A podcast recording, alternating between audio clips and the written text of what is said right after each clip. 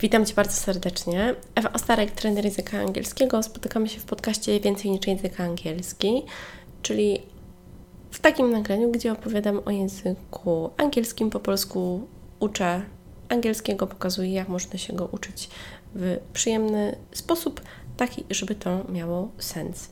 A dzisiaj temat, który często przewija się w sesjach językowych.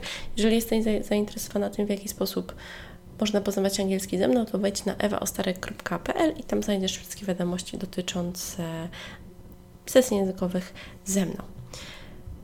Ten temat, którym dzisiaj się zajmiemy, czyli czasy w języku angielskim, a raczej to, jak te czasy rozkodować, jest y, bardzo istotny. Gdy sama uczyłam się wiele lat temu, gdy zaczynałam moją przygodę, chociaż na początku to była orka na ugorze z angielskim, więc y, żebyś sobie tak proszę nie myślała, że to jest takie cudowne, piękne i że ja od razu się zakochałam w angielskim. Nie. Na początku ja angielskiego bardzo nie lubiłam, nie rozumiałam go, wydawał mi się dziwny, głupi i y, wkuwałam na pamięć różne rzeczy.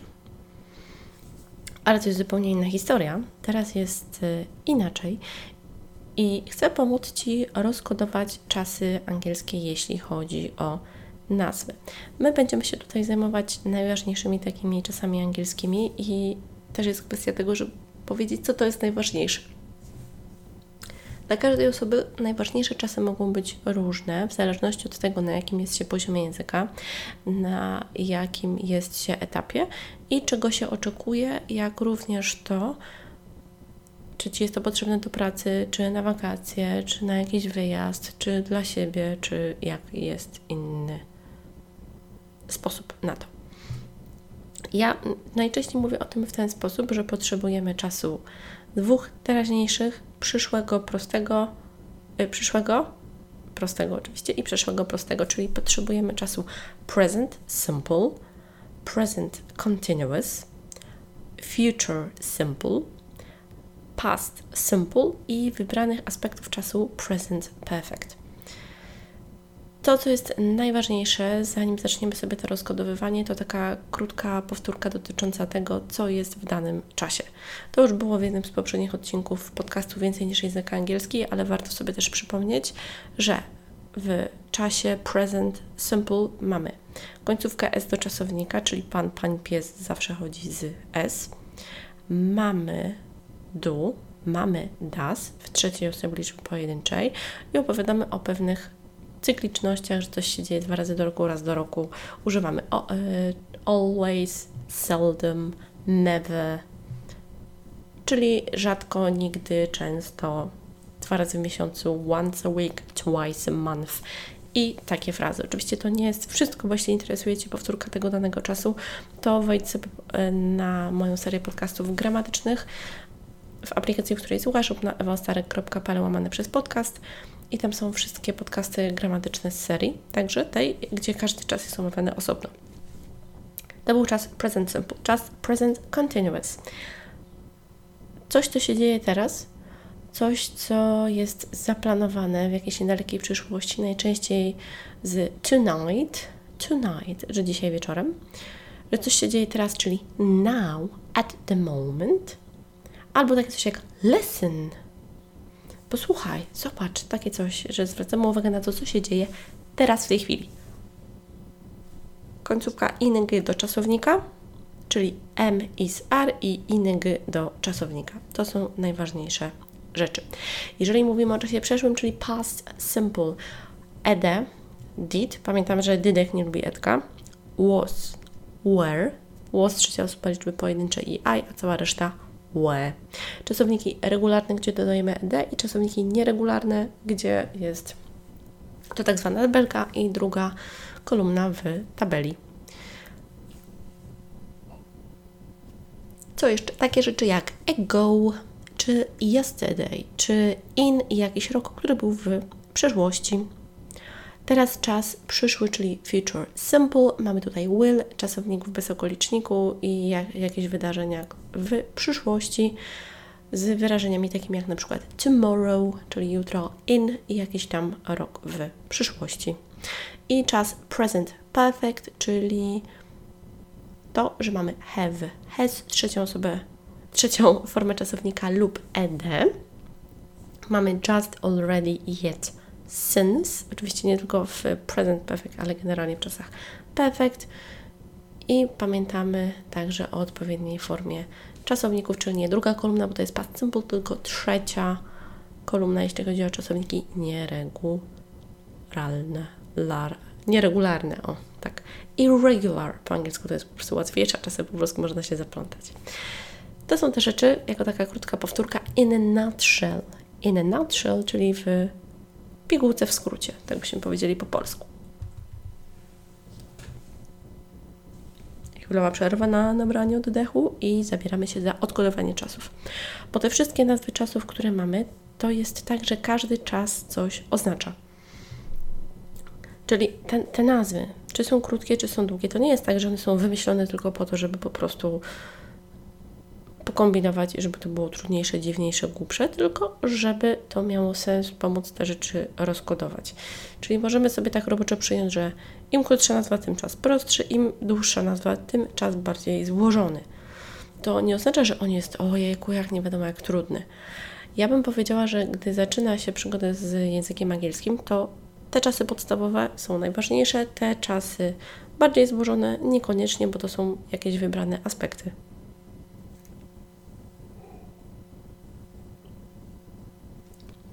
I co teraz? Jeśli myślimy o tych różnych elementach czasów, to mamy, można powiedzieć, trzy takie aspekty. Aspekt przeszły, czyli past, aspekt teraźniejszy, czyli present, aspekt przyszłości, czyli future, czyli past, present, future. I do tego mamy po drugiej stronie dwie takie wersje tego czasu, że coś może być simple, czyli proste, i coś może być continuous, czyli ciągłe. I teraz, jeżeli sobie zestawimy te trzy aspekty, czyli past, present, future i te wersje, czyli simple i continuous, to wyjdą nam określone czasy.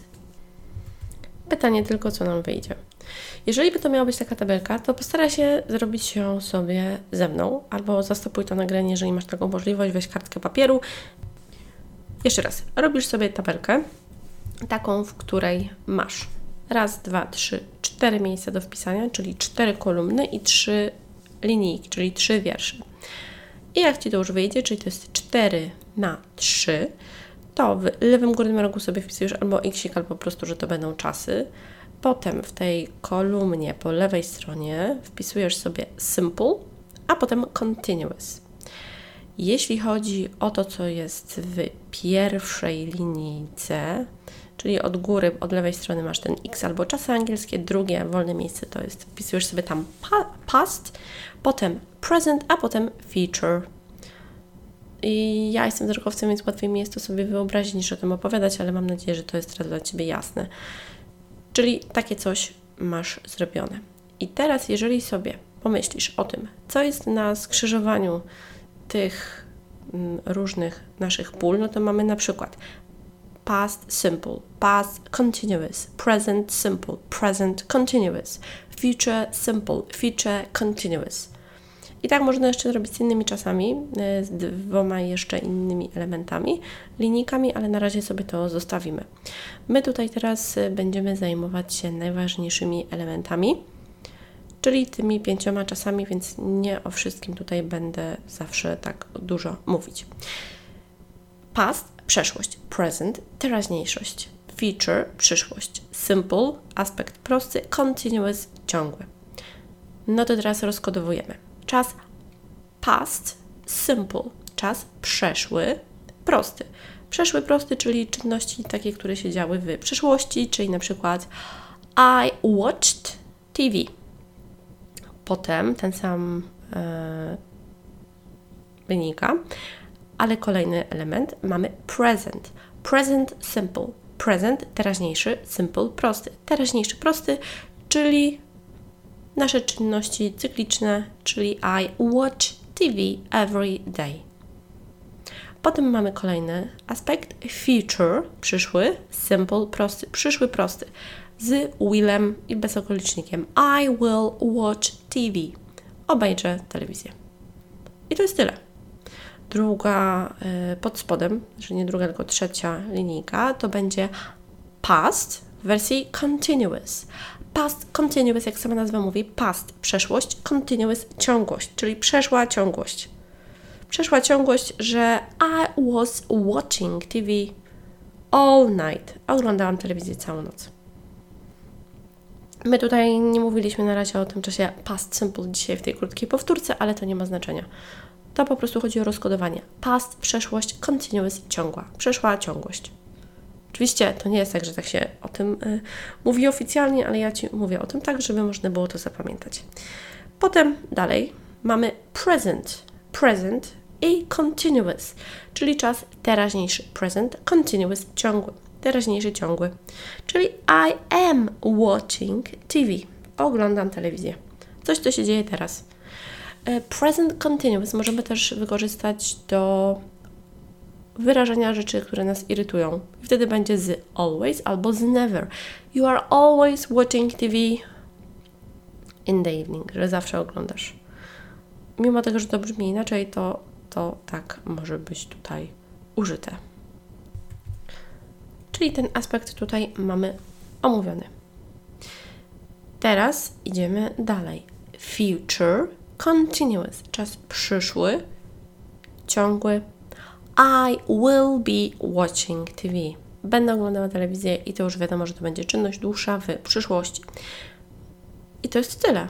Czyli jeżeli zapamiętasz past, przeszłość, present, teraźniejszość, future, przyszłość i dwie wersje simple, prosty, continuous, ciągły, to jesteś w stanie na podstawie tego, jaka jest nazwa czasu, już wiedzieć, o co w tym czasie chodzi. Wymaga to oczywiście praktyki, ale Rome wasn't built in one day, czyli nie od razu Kraków zbudowano. Teraz zadanie praktyczne dla Ciebie żeby to miało sens, od razu sobie postaraj się. Albo zrobić taką tabelkę i wpisać swoje zdania, a następnie sobie to tak opowiedzieć, wytłumaczyć swoimi słowami, albo najlepiej wyobrazić, że tłumaczysz sobie to komuś, znaczy tłumaczysz sobie albo tłumaczysz komuś, bo to ma wtedy największy sens. I jeszcze dalej, jeżeli zrobisz sobie karteczki fiszki, że na przykład napiszesz sobie, że jest czas feature simple, że jest past simple i tak dalej i rozkleisz sobie to w różnych miejscach, ja polecam na przykład na lodówce albo na jakiejś tablicy, to gdy będziesz tam koło tego miejsca przechodzić, to zacznij sobie na jakąś karteczkę i pomyśl, aha, future simple, przyszły prosty, dobra, z willem. Past continuous, przeszły ciągły. Aha, was, were i inning. I to tyle. Mam nadzieję, że takie rozkodowanie czasu było dla Ciebie przyjazne, było przyjemne i też będzie powodować to, że te elementy będą dla Ciebie prostsze, bo to w tym wszystkim chodzi. Jeżeli ten odcinek Ci się spodobał, to także jednej osobie daj znać, żeby także go posłuchała.